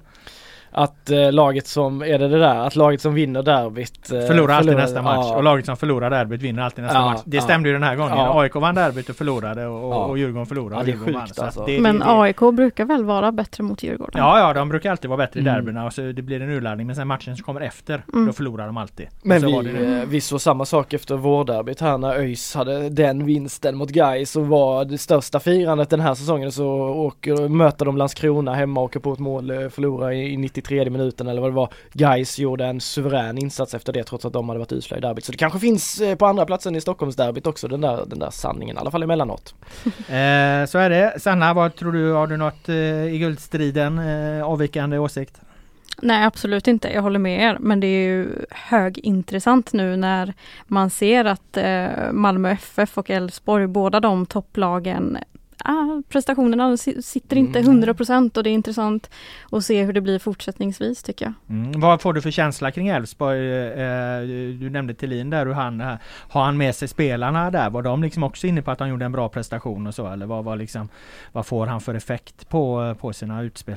Alltså att döma av Johan Larsson och Sebastian Holmén eh, när de tackade av eh, fansen efter matchen så såg inte de supernöjda ut måste jag säga. Eh, så jag vet inte riktigt om spelarna har exakt samma mening som Jimmy Tillin har där. Eh, jag tror att de också är inne på att det inte var hundraprocentigt. Nej, det... Vad har vi näst för matcher här nu? Är det någon som har det i huvudet? Vad Elfsborg har? Brommapojkarna på söndag. Ja. Du skulle till Grimsta. Jajamän. Denna härliga fotbollsarena. Den gillar du? Nej usch, hatar Grimsta om jag ska vara ärlig. Men den är bättre nu eller? Ja jo den har väl ändå gaskat upp sig lite. Jag satt där i någon jävla, på någon jävla pressläktare förra året när ÖIS eh, spelade en ångestmatch där och satt i någon playwood-låda typ som de hade gröpt ur och gjort en tillfällig pressläktare av den sämsta upplevelsen jag haft på en pressläktare någonsin. Jag, med mitt diskbrock och sådär, det är inga, inga bra grejer. Alltså, eller ryggproblem ja. som jag haft. Först tänkte jag säga att du kanske förtjänade det, men sen så när du sa att du hade diskbrock så kändes det ja, alldeles för hemskt. Ja, nej, det var, jag tar tillbaka. Nej för fasen, det var jag kanske värd ändå. Men... Eh, för Häcken i nästa match. Det, ja, spelas ju med, ja, dels det, eh, Hammarby Stockholm, men eh, framförallt spelar de i veckan här nu också Häcken mot eh, Karabag då. Så att eh, nu får de ju en, en tuff eh, ja. Eh, veckomatch mitt i allt det här då. Det har de ju haft lite problem med att hantera tidigare. Men Karabag-matchen blir också någonstans intressant för Häckens... jag sa magin kändes lite bruten kring allsvenskan. Det blir ju också ett, ett, test för dem om de ska liksom hålla liv i, i något slags eh, positiv känsla kring Europaspelet. För att de förlorar mot Leverkusen med 4-0 är ju inget att säga om. Det är ju en helt okej okay insats med tanke på hur stor skillnad det är mot ett lag som Bayer Leverkusen på bortaplan. Men, men nu möter de Karabag hemma då. Eh, eller hemma och hemma på Ullevi. Eh, ska de liksom ha någon, någon känsla av att kunna komma någon vart i den här gruppen så, så behöver de ju liksom spela oavgjort i alla fall i den matchen. Ja helst vinna givetvis. Men, men, men förlorar de där också Eh, och börjat Europa League med två, två raka förluster då, då, då är nog liksom känslan kring det där Europaspelet den får ju säga ett, ett, hack i kanten eller vad man nu säger. Absolut, men det är väl inte för trean får också lira vidare men i Conference League väl? Ja precis, så de har ju Molde då va men, ja. men jag tänker mest känslan Absolut, då, det, det kommer bli det kommer bli att man tappar den där riktiga eh, gnistan runt båda, båda fronterna då så att säga. Så nej, den är otroligt viktig den matchen och det ska bli, jag, jag är faktiskt otroligt spänd på den. Jag ser Häcken på, på, på gräs på hemmaplan och i en Europamatch då på hemmaplan och det här Karabach liksom hur bra är de och man, det är ju så länge sedan man såg dem när de mötte Blåvitt så det är väl säkert två helt olika lag mot hur det var då när de kvalade mot IFK i något, i något sammanhang för. När var det? Fasen, ja det är 2016 va? Ja okay. det var nog va, ja Mats Albeck där. Ja mycket hans... måste ju ha hänt sedan dess. Ja så det är säkert helt men det ska bli en otroligt intressant match. Och sen Malmö, vad har de? Kalmar va? Mm, ja det blir också spännande. Den ändå Kalmar ändå mot, äh... vaknat lite alltså. Det har de. Kalmar har ju besegrat både Häcken och Elfsborg som vi vet. Ja, att, ja, ja, ja. Det, det kanske är guldstridsdräparna i år. ja, I så fall eh, tvålar de dit eh, eh, Henrik Rydströms eh, Malmö FF då ja. Gamle Kalmar-legendaren. Det hade det hade varit lite kul om Häcken kom in i den här guldstriden igen så att det blir det här tre-racet och just eftersom Häcken och Malmö också möts då i näst sista omgången då som Malmö och Elfsborg sista så för, för pulsen så hade det varit eh, bra med MFF förlorade men för mitt eh, tips som jag har hållit fast vid så, så, så är det ju bara för MFF att vinna. Bottenstriden då, som ju aldrig tar slut i Allsvenskan. Den är otrolig. IFK Göteborg, de tar nya poäng hela tiden. Senast en mot, eh, borta mot eh, eh, Hammarby då, men jagas ju fortfarande av detta liksom Sirius och, och de andra där nere. Eh, som, som i Sirius vände ju 2-0 till, till 3-2 mot Degerfors i en, en otroligt dramatisk match. Så att eh, bottenstriden handlar ju framförallt nu då om kvalplatsen får man väl, väl säga. Jag känner mig väl fortsatt helt övertygad om att IFK Göteborg kommer eh, lösa det här. Ehm, men vi ska ta upp dem givetvis lite ändå. Eh, och trots en bra match då av Blåvitt så har de ju fortfarande inte vunnit en enda match på eh, eh, konstgräs i år. Jag skrev om det i en krönika här tidigare i, eller i helgen då helt enkelt att hade, hade Allsvenskan bara spelats på gräs då hade ju IFK Göteborg faktiskt varit i, i toppen av, av eh, tabellen. Men nu är de ju oerhört svaga på, på, på konstgräs. Eh, även om det som sagt var ett fall framåt då mot, mot Hammarby rent prestationsmässigt. Men man ska inte glömma att det är ju ändå en, en straff i 89 minuten som gör att de ens får en poäng. Mm. Ja, sen tycker jag de var eh, fullt förtjänta av den poängen. Jag, jag, jag, jag har typ eh, sett, eh, skulle jag tro, alla matcher nästan, det är säkert missat någon, men som Blåvitt har spelat på Tele2 sen den arenan byggdes. Eh, eller i alla fall i, i, modern tid. Men jag, jag minns den där matchen när Thomas Mikkelsen gjorde målet. Det är väl enda gången de har vunnit på Tele2 då. Och jag tycker att det här är, jag har nog aldrig sett dem så bra eller så med i matchen. Sen om det beror på att Hammarby inte är där Hammarby kanske har varit de senaste åren. Eh, det men... är också en ny matta på eh, i år på, ja, så på, är det ju, på ja. Tele2 så det är inte riktigt den du vet den brutalt snabba jävla mattan nej, som, det var, nej, var så, så, som det var tidigare. Så möjligt att, det, ja. de sakerna spelar in men oavsett IFK Göteborg gör bra prestationer nästan hela tiden. Visst Mjällby-insatsen var väl inte någon så här något att hurra för men de vinner den matchen och här får de med sig en poäng även om det är med ett nödrop då de får den här straffen som jag för övrigt tycker är helt korrekt. Jag fattar inte hur man kan ifrågasätta det domslutet som Erabi gjorde nej, där. Tröjan står ju som en ja, strut. Ja det var ju som Julius Lindbergs där igår flera gånger. Liksom. Är det folk som tycker att det var fel? Ja men man såg Erabi var ju krig, han var kallade han det? Skitdomslut Ja men eh, Hammar var det också eh, Ja det var flera Han som ja, tröjan. Ja flera i Hammarbylägret där och en del supportrar på sociala medier också som tycker att att Klitte gör en usel match och sådär men eh, Tvärtom starkt av en domare att kliva in i 89 minuten, se ett uppenbart regelbrott och blåsa ja, straffen istället. För som många Ibland kan ju heta liksom från folk runt omkring och säga ja, men ska, domaren ska inte sätta sig i centrum och ta avgörande beslut i slutet. Men vad fan det, det, det är klart han ska. Ja, ja om det är ett regelbrott som är uppenbart då vore det ju helt Det vore ju tjänstefel att inte ja, ta det domslutet. Men du vet ju hur det brukar låta ibland. Absolut, alltså, Så säger man så att i slutet av matcherna så ska det krävas mer och bla bla, bla, bla. det ska inte avgöras på det. Men jag tyck, det tycker jag är fel. Jag ja, det tycker jag också. Är det straff så är det straff. Ja. Oavsett när fan den straffen kommer. Ja, det, nej 100%. Så nej, Blåvitt var värda minst en poäng tycker jag för deras första halvlek var riktigt, riktigt bra. Sen är Bayern bättre i andra tycker jag, eller får lite mer grepp så. Men eh, sjukt ändå att de liksom inte har kommit loss på den här eh, striden än. Alltså. Nej det är det jag säger, det är ju bottenstriden som aldrig tar slut. Ja, ja men det, så är det ju till 100% och det kommer leva in i det sista här också känns det som. Eh, så är det. Eh, när det väl då blir klart för IFK Göteborg, vi ska gå händelserna lite i förväg här ändå. Eh, så känns det ändå som att de har rätt mycket att göra med truppen truppen. Jag, jag var uppe på en träning här nu och, och, och kollade på det och, och, och tänkte lite på alltså, den här, alltså det är nog många, det är många spelare som kommer att försvinna. När jag var uppe på, på träningen här på Kamratgården då var ju Iman Markovic var ju med och tränade då. Hade ju varit lite si och så med, med det. Men han lär ju liksom eh, försvinna. Hur ska de göra med Suleiman Abdullahi? Han, han, han, eh, ja, han har inte gjort Femårskontrakt. Ja men han har inte gjort många minuter liksom. Vad har de med Anders Trondsen som ju har haft en del fina eh, tendenser. Eh, ska han vara kvar? Eh, de har ju alla eh, veteranerna här nu, eller hemvändarna så. Visst nu har vad heter han, Marcus Berg har ju lagt av så, så, så men samtidigt har de ju Sebastian Eriksson, de har Oskar Wendt, de har Emil Salomonsson, de har Gustav Svensson, de har rätt många liksom i åldersspann 35-38 år. Där behöver de också titta. Jag, jag tror att Ola Larsson som passerade förbi när jag var på Kamratgården med telefonen mot örat eh, har nog redan börjat arbeta på hur den här liksom eh, truppen ska, ska se ut. Kommer nog vara rätt nyhetstätt kring IFK Göteborg eh, när, när liksom silly season väl drar igång. Mm. Det kan jag tänka mig definitivt att det, det kommer vara, det kommer eh, säkerligen hända mycket.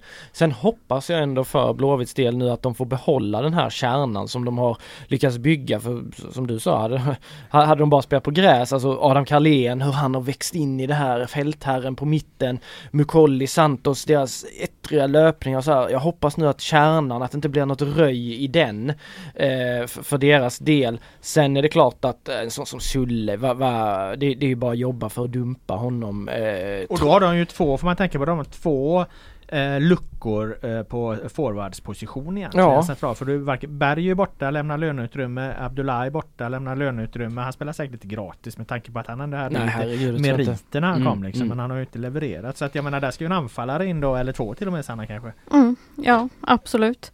Men jag tänker eh, femårskontrakt sa du? Nej jag skojar bara om Sulle där att de skulle slänga upp han på ett femårsavtal. Nej men hur långt kontrakt har han nu? Ja det vet jag inte. Det, jag vet faktiskt inte. För skrev han? Ja, det är klart att de Det fattar man ju att de vill inte ha kvar honom och samma gäller ju Markovic. Kanske Trondsen också men frågan är Mm. hur, hur löser man den situationen egentligen? Nej men till slut får de ju får de inte sålt dem så då, då för en sportstyver så, så, så får de helt enkelt låta dem gå gratis. För det är klart att under en höst kan man kanske ha spelare som inte är i närheten att vara med Mm. i, ett lag, i en startelva eller i en trupp liksom. Men över tid så går det ju inte. Utan Mm. det måste man ju liksom bygga en trupp där alla är delaktiga på ett helt annat sätt. Så att, eh, så att eh, nej men jag tror det, det till, till slut får de bara skeppa iväg dem. Liksom. Ja, men, men hur ska du göra det? Alltså typ en sån som Markovic, det är ju ganska uppenbart att han vill inte flytta på sig. Nej, han sitter ju säkert på en bra lön, Ja. han vill inte gå till Utsikten, ja, absolut, man kanske inte vill gå till Utsikten om man har spelat i IFK Göteborg och sådär, han kanske letar efter bättre alternativ. Men det, den känslan som har förmedlats eller det man har hört, det är att han, han verkar ju bara vilja sitta där, han verkar ju ha noll ambition med sin karriär. Nej men man får ju betala, Och det- ja. köpa ut det helt enkelt. Ja, det är det jag mm, menar med ja, ja, ja, iväg. precis, Alltså då ja. får man köpa ut dem och komma överens. Okej du får liksom, om man Men- nu har ett, Markovic har liksom ytterligare ett år kvar, ja då får man väl ge honom halva, halva årslönen och ja. så tack och hej liksom. Sen är det ju helt ofattbart en elitspelare som inte vill iväg och spela fotboll. Det, Ja. Jag tycker att det är helt galet. Ja det tycker jag också, alltså absolut, jag har full respekt för de som, nej jag ska kriga för min plats, jag ska ta en plats här. Mm. Men herregud, Markovic han är ju inte topp 30 i rangordningen liksom. Det är Nej, nej. juniorer som Jens Asko hellre spelar än honom. Så nej, jag håller med. Alltså det är ju helt eh, ambitionslöst liksom att, eh, att bara sitta där och ruttna vare sig han eh, tjänar hur bra han tjänar eh, tycker jag. Men sen är det klurigt med många av de här veteranerna liksom. Det kommer kanske bli några smärtsamma avsked där. Eh, en sån som Sebastian Eriksson som jag, ja han är ju en fantastisk karaktär liksom men ja, är, är han värd att satsa vidare på? Gustav Svensson ska ju såklart vara kvar, han har ju Mm. varit en av allsvenskans bästa försvarare i år och Oskar Wendt har lyft sig men samtidigt så han, han fyller 39 nästa år. Alltså jag, jag, jag kan liksom inte bedöma här och nu hur jag hade gjort. Jag, jag, vill, jag vill fundera lite på den men klart är att det, det kommer säkert bli en hel del smärtsamma avsked, det tror jag. Mm, Jag tror man behåller eh, för länge med Gustav ett år och så Emil Salomonsson har ett år kvar. Mm. Så han spelar nog, nog klart det. Men sen undrar jag faktiskt om Sebastian Eriksson och Oskar Wendt blir kvar. Mm. Nej, det känns... Eh, alltså de tog ju in Anders Tronsen av en anledning inför den här säsongen. Tanken var ju att han skulle ersätta Wendt, att Wendt skulle gå Mm. vid sidan mer vara en backup och lagpappa och sådär. Det har inte alls blivit så. Eh, Tronsen, hela, hela runt honom där som du sa, alltså, vad, vad, kommer hända med honom? För han har ju inte riktigt, han såg ju lite småfin ut när han var med och lirade lite sen han var helt borta och alla Och dessa i Jens Askos fotboll så tror jag Ja, helt ja. chanslös på en mittfältsplats för att Asko kräver så jävla hårt arbete Ja, i pressspelet ja, där i båda riktningar. Så jag, alltså, visst, alltså, han skulle väl möjligen kunna spela vänsterback i IFK Göteborg men, men, men eh, där verkar han överhuvudtaget inte vara ett alternativ. Så jag håller med dig Sanna där att vad, vad, vad fan ska de göra med honom? Ja, liksom? nej. Och sen Wendt och Seb, ja, jag, jag tror väl också att det kanske lutar lite åt att, att det blir eh, tack och hej för dem också. Mm, det är väl de i så fall som det blir det med. Men sen eh, som ni var inne på Gustav, han har väl någon slags option eller? I sitt kontrakt som går att Jag kan fasen inte ta den alltså. Ja det är mycket möjligt att han har men det tror jag alldeles oavsett att, att man, man eh, som man brukar göra med de eh, eh, spelare i den Mm. åldern som ändå är kvar på en viss nivå. Att man förlänger med dem ett år helt enkelt. Mm.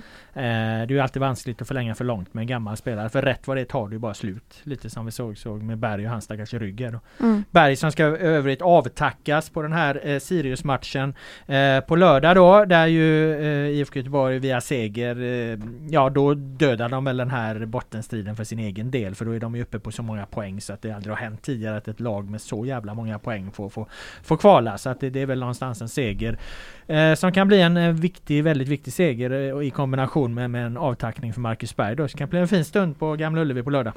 Det blir det säkerligen. Eh, det är han eh, det är han värd naturligtvis eh, efter allt han har gjort för IFK Göteborg och så som han har, har offrat sin kropp för, för den föreningen som han älskar så hoppas jag att det blir sl- slutsålt fullt hus och att han får eh, så stora ovationer det bara är möjligt och den allra bästa presenten hade han nog tyckt själv också var, var tre poäng för det ruskigt viktig match Mm. i bottenstriden.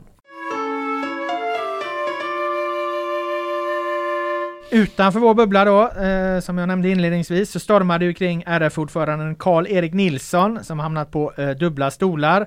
Eh, I sin roll som medlem i Uefas exekutivkommitté så valde han ju att gå emot svensk idrottslinje och röstade då för ett upphävande av totalförbudet för ryska lags deltagande i ungdomsturneringar. Konkret innebär ju detta att Ryssland eh, får delta när U17-EM eh, arrangeras i eh, Sverige då. Och det här har ju blivit en, eh, en av de liksom största nyhetskarusellerna på ett eh, eh, bra tag. Alltså jävlar vad de dundrar eh, uppe i Stockholm. Framförallt då krönikörerna mot att eh, Karl-Erik Nilsson ska avgå. Det är krismöten som avlöser varandra och ytterligare något är väl planerat till på fredag. Så exakt vad den här frågan tar vägen då vet vi inte här och nu. Däremot kan jag fråga hur upprörda eh, är ni eh, kring Karl-Erik Nilssons agerande? Nej, kan inte säga att jag eh, kokar. Det gör jag inte. Nej, nej, alltså helt ärligt så jag har bara, jag har bara sett den i förbifarten. Jag har så mycket att göra så jag har liksom inte riktigt hunnit, hunnit få det att sjunka in så. Men när man hör allt så här som är ja, positivt mot Ryssland med tanke på vad de håller på med i Ukraina så blir man ju såklart skeptisk och, och en motståndare till det. Sen förstår jag ändå barn. Jag gillar inte när barn, oavsett vad det handlar om, barn straffas och ja det är väl som jag förstår då ryska ungdomslag eh, vi pratar om. 17-åringar. Ja, 17-åringar. Och ja, de är ju barn Ja enligt det är de ju. så- Men jag, nej jag, alltså det är klart att jag Eh, jag är liksom inte på Karl-Eriks linje så att säga utan eh, så lite upprörd är jag men jag har inte hunnit ta in frågan tillräckligt för att liksom dundra för hårt här. Han är en pressad man just nu. Ja det kan, vi säga. väl konstatera. Det kan man definitivt konstatera. Och jag är väl lite inne på din linje där eh, Sanna, att jag kokar inte heller kring det här eh, när det kommer till sakfrågan då. Eh, jag tycker inte att det är helt eh, huvudlöst eller upprörande på det sättet när frågan trots allt handlar om huruvida man ska betrakta de här som barn eller inte. Alltså det, då är det inte så jävla svartvitt som man behöver flyga upp på barrikaderna. Däremot så eh, har jag inget emot om, om, om att det stormar kring Karl-Erik Nilsson för jag gillar inte liksom det här liksom eh, maktens arrogans som han uppvisade när det här uppmärksammades. Först ville han ju liksom när, när det var ju BBC eller vad fan det var som, som avslöjade att han hade röstat för det här då, då eh, hans första kommentar kring det var att han kände liksom inte igen beskrivningen Ja, kring det ja. här liksom. Han försöker slingra sig sådär som makthavarna, Ja. makthavare gör och komma undan med det. Och där, där tycker jag att nej, där, där, där blir jag upprörd liksom. Mm. Så ska du inte göra. Stå i så fall för det här liksom. Mm. Att du har tagit ett beslut liksom och ta den fighten. Eh, då hade jag haft mycket större respekt för det. Nu känner jag mer att på det här sättet han har skött det här, ja då får han nog ta mig fan ta och se till att lämna antingen Uefa eller RF och kanske då Eh, f- företrädesvis Uefa känner jag liksom för det är någonstans det här som har skapat det. här. Det har visat på problemen att ska vi ha en RF-ordförande då kan vi inte ha en RF-ordförande. Eh, svensk eh, idrotts viktigaste person kan inte sitta liksom på dubbla stolar på det sättet för det skapar för komplicerade intressekonflikter och då får han faktiskt ta och lämna Uefa. Eh, han har inte misskött sig så på det sättet så jag tycker att man kan kräva att han ska avgå från eh, som riksidrottsförbundsordförande när han har suttit där en kvart eller vad fan det är. Men, men däremot får han ju får han ju faktiskt i så fall se till att lämna eh, Uefa och vill han absolut inte lämna utan han vill behålla sin position i fotbollsmakten ja då får han ju helt enkelt vackert kliva av som RS, RF-ordförande. Eh, det, jag kan inte komma till någon annan slutsats att han måste lämna en av två. Mm. Ja i så fall om man väljer att eh, avsäga sig ett av uppdragen så tycker jag att det blir väldigt intressant att se vilket han väljer, vad han prioriterar högst. Absolut, för jag menar jag, vi känner ju inte honom på det sättet. Det kan ju vara så att han, han ser någon slags eh, framtid som Uefa-bas eller han kanske ska utmana Infantino i framtiden som Fifa-bas. Men, men vad fan vet man? Han är ju en maktspelare. Han är en maktspelare, Karl-Erik Nilsson. Ja absolut, nej jag hade faktiskt inte blivit förvånad om, om han hade velat upp och, och fightas om, om de positionerna så jag, eh, som Sanna där, jag är också väldigt spänd på vad, vad, vad tar han för beslut om han skulle hamna där. Men håller du med om att han, eh, eh, eller tycker du att han kan sitta kvar på båda eller bör, nej, bör nej, han kliva på ett? nej, nej, jag håller nog med om att jag tycker också att han bör kliva på ett faktiskt. På ett av dem. Ja, och jag håller med dig även i det du säger att det som, om man nu tar in den här frågan, det som gör en lite mer förbannad liksom, det är att han håller på och inte riktigt står för vad han har gjort liksom. Gör du det, ja i den här frågan, då håller jag med dig, då är det inte så att man behöver upp på barrikaderna kanske, även om jag tycker att den är klurig och, och det är så känsligt med allt runt, runt Ryssland. Men eh, nej, när han håller på sådär och ska finta hit och dit och nej, det gillar jag inte. Då har vi bara en sak kvar i den här podden. Eh, vi har suttit här en god timme i vanlig ordning och det är vår kära Svennisskala. Vad har varit bra, mycket bra och mycket, mycket bra den här eh, veckan. Eh, Sanna Sundberg, du ser eh, laddad ut. Eh, Tycker du det?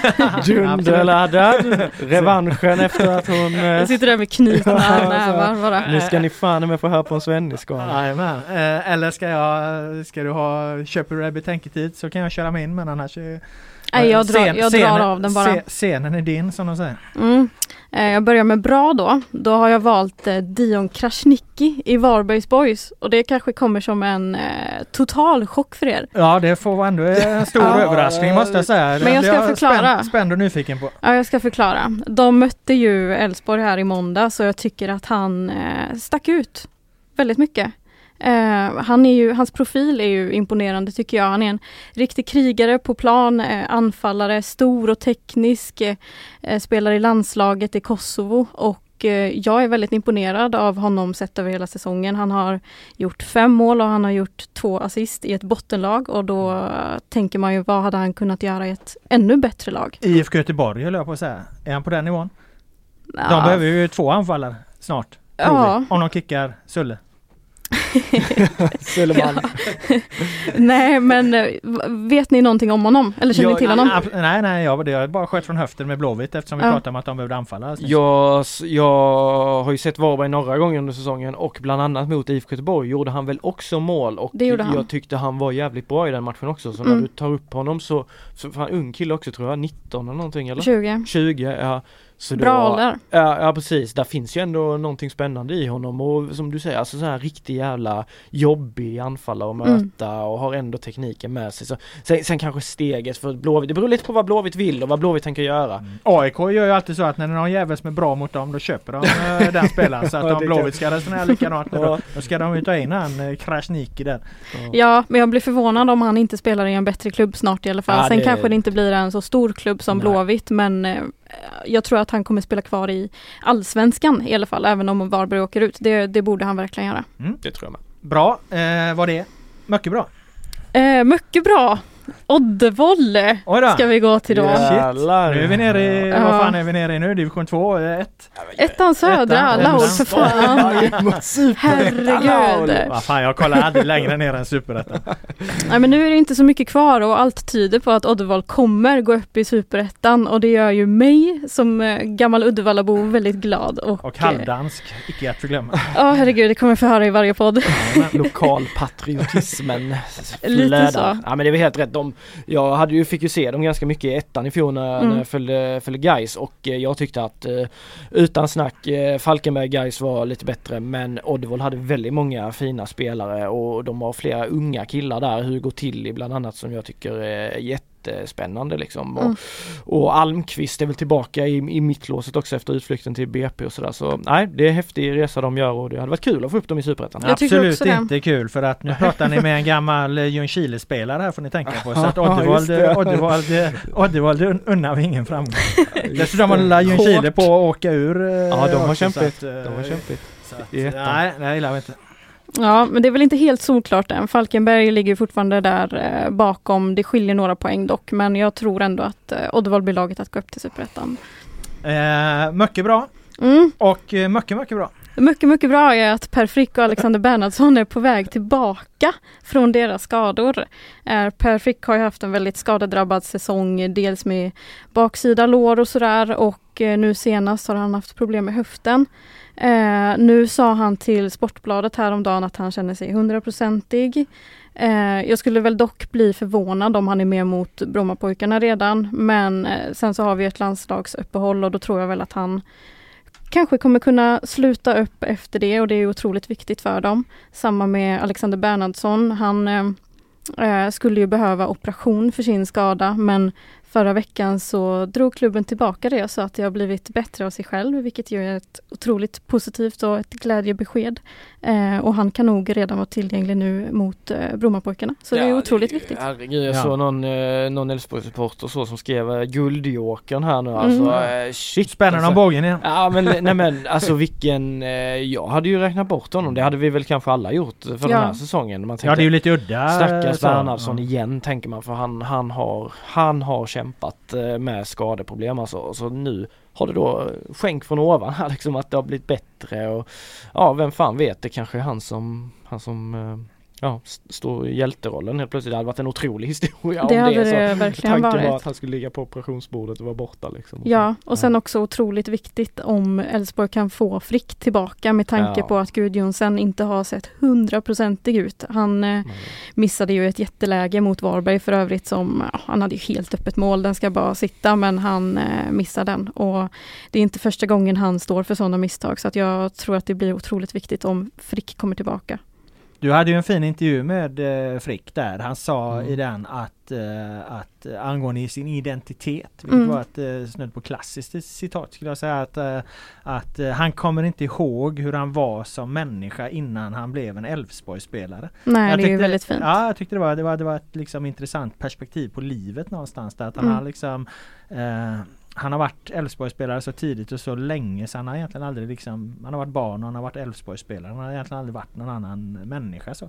Mm. Han sa ju det i sammanhanget då apropå karriären lider mot sitt slut och så. Så att det, det, det var en bra intervju och ett, ett, ett intressant citat som fick mig att tänka liksom på På det här med fotboll och så ur ett annat perspektiv. Mm, ja, den kan man läsa på gp.se om man vill. Jajamensan. Ja, filosofiskt och Ja men det var ju verkligen det. Ja, ja, verkligen. Verkligen. verkligen. Eh, mycket, mycket bra. Tackar vi för det. Tack. För du var klar? Jag var klar. Underbart. Jag var klar. Det var tre grejer där. Jajamän. Jag håller räkning. eh, Filip? Eh, ja. Eh, ska bara... Kör du från höften? Ja, ja, skjuter ja, från höften, ja, ja. jag, jag gör alltid det. Jag gör alltid Ska det. du eh, Nej, lilla nej, men vad fan, jag- Samla dig lite så Nej, går men jag emellan här eller? Nej men jag tror jag är redo faktiskt. Kan du inte köra Axel Henriksson på en punkt? Och bara prata om Axel Henriksson? ja, det, det har jag väl gjort många gånger. Har jag Ja, inte det, fint eller? inhopp i Är ni trötta senaste. på det, nej men han gjorde ju fint inhopp. eller? Ja, ja för fan han skulle absolut kunna vara där men fan det ska jag... Ja. nej, nej, nej han får, han får vänta. får vila Han kom, han får kommer- vila, han kommer han, han kommer komma Han kommer på jo, årslistan. Han kommer komma med på ett sätt här ska vi, ska vi säga nu. Ja, tar det där. Vad men, bra? Men eh, vi, vi börjar med bra. Eh, där eh, väljer jag faktiskt att lyfta då. Eh, Axel Henriksson. Axel Henriksson, nej. Men efterspelet på, på eh, Gais Öster. Eh, där jag tycker att eh, det blir eh, superettan, det är så jävla det är så fint för det är så lättsamt, det bjuds på lite sköna pikar, Utsikten har ju levererat massvis av, av spännande citat hela året. Gais har också varit underhållande. Eh, och flera andra lag, nu var det Jesper Westermark då som, eh, han var ju ryckte och drog i Axel Noréns tröja, slet ju av den i andra halvlek, Norén stod där utan matchtröja helt plötsligt, det var en mycket lustig situation. Och sen springer då Axel Henriksson, rycker fram, rycker från tröjan från Jesper Westermark då som har spelat i Gais tidigare ska vi säga. Och sen kommer August Wengberg, tar tröjan från Henriksson, viftar den i ansiktet på Jesper Östermark. Och jag pratade ju med, med JV som han, han kallar sig eh, efter matchen och, och då gick han till attack mot August Wengberg och sa det är topp tre oskönaste personerna i, i superettan och de är ju gamla lagkompisar då. Han sa det, här- det här trodde jag inte på om, om, min, eh, om min gamla lagkompis och jada jada. Eh, och sen tog vi detta med Wengberg då, och han skrattade ju högt liksom, ja nu fick jag JV här och det visar att jag fick honom ur balans och så. Det blir ett skönt eh, tugg där och en så rolig situation också. Det, det blir så ofta lite mer lättsamt i superettan om man får säga att allsvenskan kanske lite mer tillrättalagt och sådär. Det var ju inte den enda citatet som var kul. Det var ju det Nej, där med vad, Lindberg var det väl som hade Exakt. gjort tjockis förbi, finten förbi någon skallig mittback. Ja, ja exakt. Som Det- han sa. det- han sa ju att Henriksson, för här är ju Henriksson då med på törn. Henriksson sa ju själv att ja, jag körde tjockisfinten på, på, på eh, försvararen där. Och jag noterade att han blev utbytt efteråt. Det noterade jag, sa han. Och så kom Julius Lindberg och säger ja Axel gjorde tjockisfinten på någon skallig mittback som jag inte vet namnet på. så, så det var, det var väldigt många roliga, eh, goa citat därefter. Jag tyckte Ja, efterarbetet blev väldigt, det var väldigt kul att jobba med, med, med matchen eh, igår. För, för de bjuder till ofta, både guys och en hel del andra spelare i Superettan också. Och nu ska du bjuda hit uh, Fidde Holmberg också till podden till nästa eh, vecka hoppas vi på. Har du Eh, löst det än? nej jag har inte hunnit lösa det än, Nej, men jag men, hoppas eh, att Fidde kan ska ställa upp på det. Gaisarna se fram emot. Sätta Ja, det hade varit på, fett. på, på honom den här Ja, det får vi- också. ja, det gör Nu vi, vill det hela vi. jävla grönsvarta delen av Göteborg ha hit uh, Fidde Holmberg till poddstudion. Ja det är fan rimligt. Så, så Fidde till podden, det hoppas vi på. Ja, bra, mycket bra. Eh, där, eh, där väljer jag att eh, lyfta en tidigare ÖIS-spelare, Herman Sjögrell. Han eh, har haft en väldigt, väldigt jobbig tid i Sirius, eh, eh, inte fått särskilt mycket förtroende. Jag, jag minns inte, men jag tror inte han har gjort en enda start sedan han gick till Sirius. Han var ju utlånad till ÖIS förra hösten, gick tillbaka till Sirius eh, inför den här säsongen. Och har gjort en hel del inhopp och så här. Men han har aldrig gjort en poäng, eh, eller aldrig gjort ett mål i Allsvenskan ska vi säga mot Degerfors i den här ångestmatchen för Sirius där Sirius gör den sjukaste vändningen någonsin typ, gör tre mål på tilläggstid, vänder 0-2 till 3-2. Då är det Herman Sjögrell som slår inlägget till 2-2 målet och det är Herman Sjögrell som dundrar in. Vilket jävla mål han Jag gör. såg målet. Ja, Mm. till 3-2 i, vad är det, 96 minuten. Han firar, han, han vill slita av sig tröjan men den sitter för tight, han får inte av sig den. Men alltså vilken, vilken stund för honom, alltså han, det ser ut som att han nästan börjar gråta. Och jag har haft mycket att göra med Herman genom åren i och med att han har, har varit fostrad då i, i ÖIS bland annat. Eh, och det är en fantastisk kille som eh, är värd all framgång. Så jag, blev, jag gladdes verkligen med honom när jag såg han, eh, han, han fick uppleva den stunden. Sen, sen undrar jag ju vad de här Sirius-supportrarna som satt där och mötte honom vid, vid långsidan, vad de höll på med. Det var lugna fina applåder medan man tänkte själv, herregud vad fasen ska, ska inte alla stå på räckena då och vara helt bananas? Men de, de höll sig fint i stolarna och applåderade. Det, det är en otrolig bild när han försöker slita av sig tröjan och någonstans mitt i det inser att fan det här går inte så han får ge upp det liksom. Alltså. Ja, det, ja, det är ett klassiskt ögonblick Ja, det den här allsvenska säsongen alltså. Så, Ja, han- och sen han lägger sig ner och typ, det ser ut som han bara, ja, ja, han är helt uh, uppe i, i det blå liksom så. eh, eller uppe i, ja vad man säger. I, och på lördag kommer han till Göteborg som Och sagt. då han till Göteborg, bra. ja. Ja, Eh, Bra, mycket mycket bra. Eh, vi, vi avslutar på Gais-temat ändå. Jag skrev i min fem punkter att det var otroligt många spelare som var otroligt bra i den här matchen mot Öster. Men Anes Kardaklia och Axel Norén, eh, den försvarsinsatsen. Jag sa att eh, hade vi haft betyg på den här matchen så hade jag gett dem 6-4 båda två. Eh, det, var, det var fläckfritt. De gjorde en miss på hela matchen. Norén spelar, han var petad under sommaren, han spelar som om han, eh, ja, eh, dunderform. Ingen, ingen försvarare enligt mig i Superettan är bättre än honom just nu. Bredvid sig har han då Anes som är eh, nyss fyllda 18 och och eh, eh, ja, beter sig på planen som att han eh, är 28 och har spelat elitfotboll i hela sitt liv medan han bara har gjort ett, ett tiotal starter i Superettan. Men hans utveckling den här sommaren, det är, eh, det är något att skriva, skriva mycket om och vi har skrivit en del om Arnes, men vi kommer skriva mer om honom för, för där tror jag guys har sin eh, sin nästa enorma försäljning skulle jag tro. För, för den potentialen han har och den kvaliteten han redan har 18 år gammal, sanslös. Hur många miljoner? Ja, kommer, de, kom, kommer de upp till allsvenskan eh, och han fortsätter prestera där, då tror jag minst 20. 20 miljoner. Men du tror att de får behålla honom nu eller? Det tror jag. Han skrev nyss på ett nytt femårskontrakt, vilket också är Viktigt. med tanke på vad Gais då har misslyckats med Julius Lindberg exempelvis här har de chansen att kapitalisera verkligen på, på, på, på den här Men då kan de för fan få ännu mer än Ja, 20 kanske. miljoner Kan- upp i Allsvenskan Jo, för honom. Men samtidigt så, ja, och, ju ja, skulle, där de, och skulle de gå bra där uppe också. Och det är extra fint också för han har varit i Gais sedan han var sex år gammal.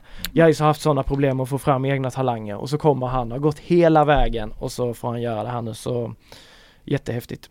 Fin Men- historia. Ja, men två Nolan-klass i samma match alltså. Det var, fan, Ja, de det var brutala, de var brutala, Ja, Lau. okej. Du, du, Ja, du ja, missar ja, väl lite ja, där när du vandrade ja, hem på grund av att du var lite frusen. Så Jag hör vad du säger.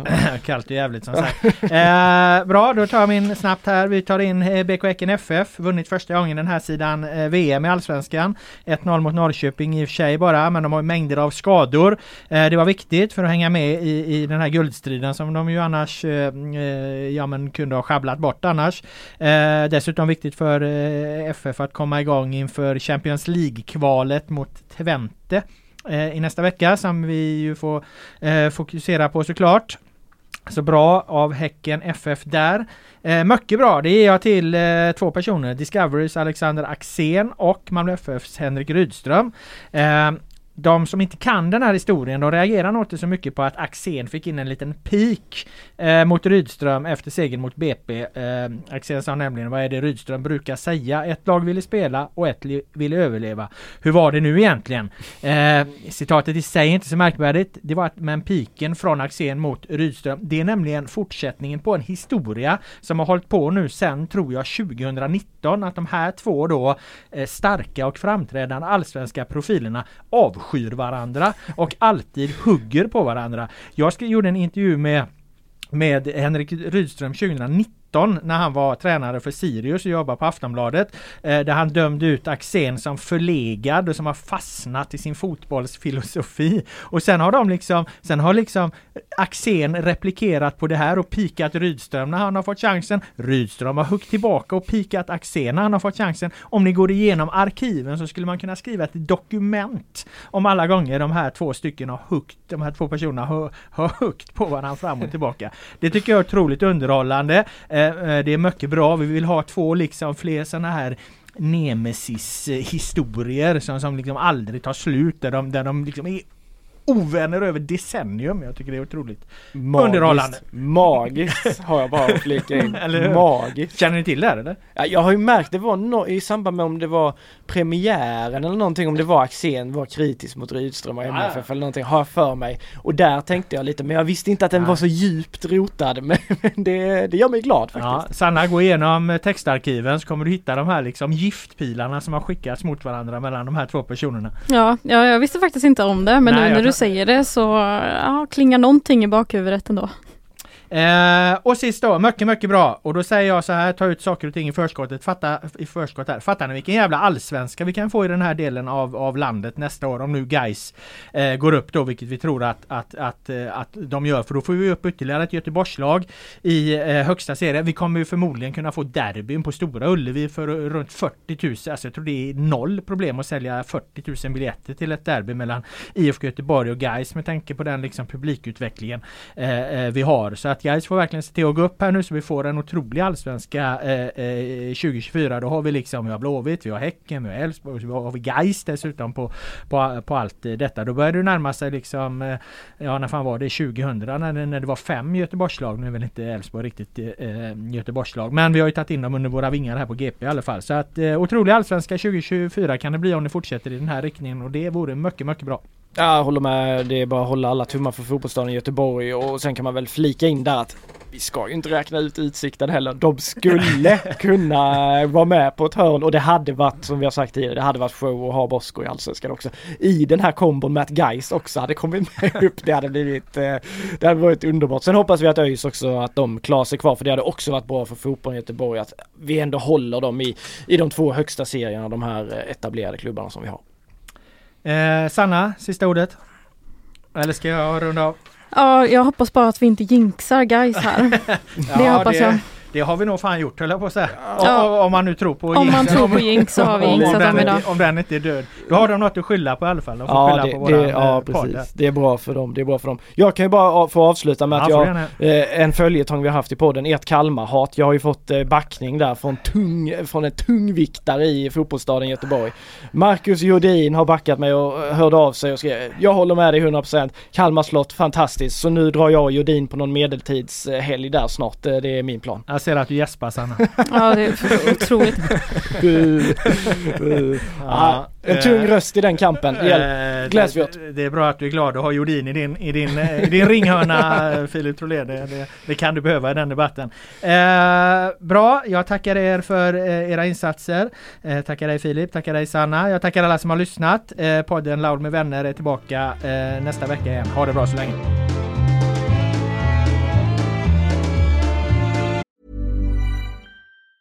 Planning for your next trip? Elevate your travel style with Quince. Quince has all the jet setting essentials you'll want for your next getaway, like European linen, premium luggage options, buttery soft Italian leather bags, and so much more. And it's all priced at 50 to 80% less than similar brands. Plus, Quince only works with factories that use safe and ethical manufacturing practices. Pack your bags with high-quality essentials you'll be wearing for vacations to come with Quince. Go to quince.com slash trip for free shipping and 365-day returns.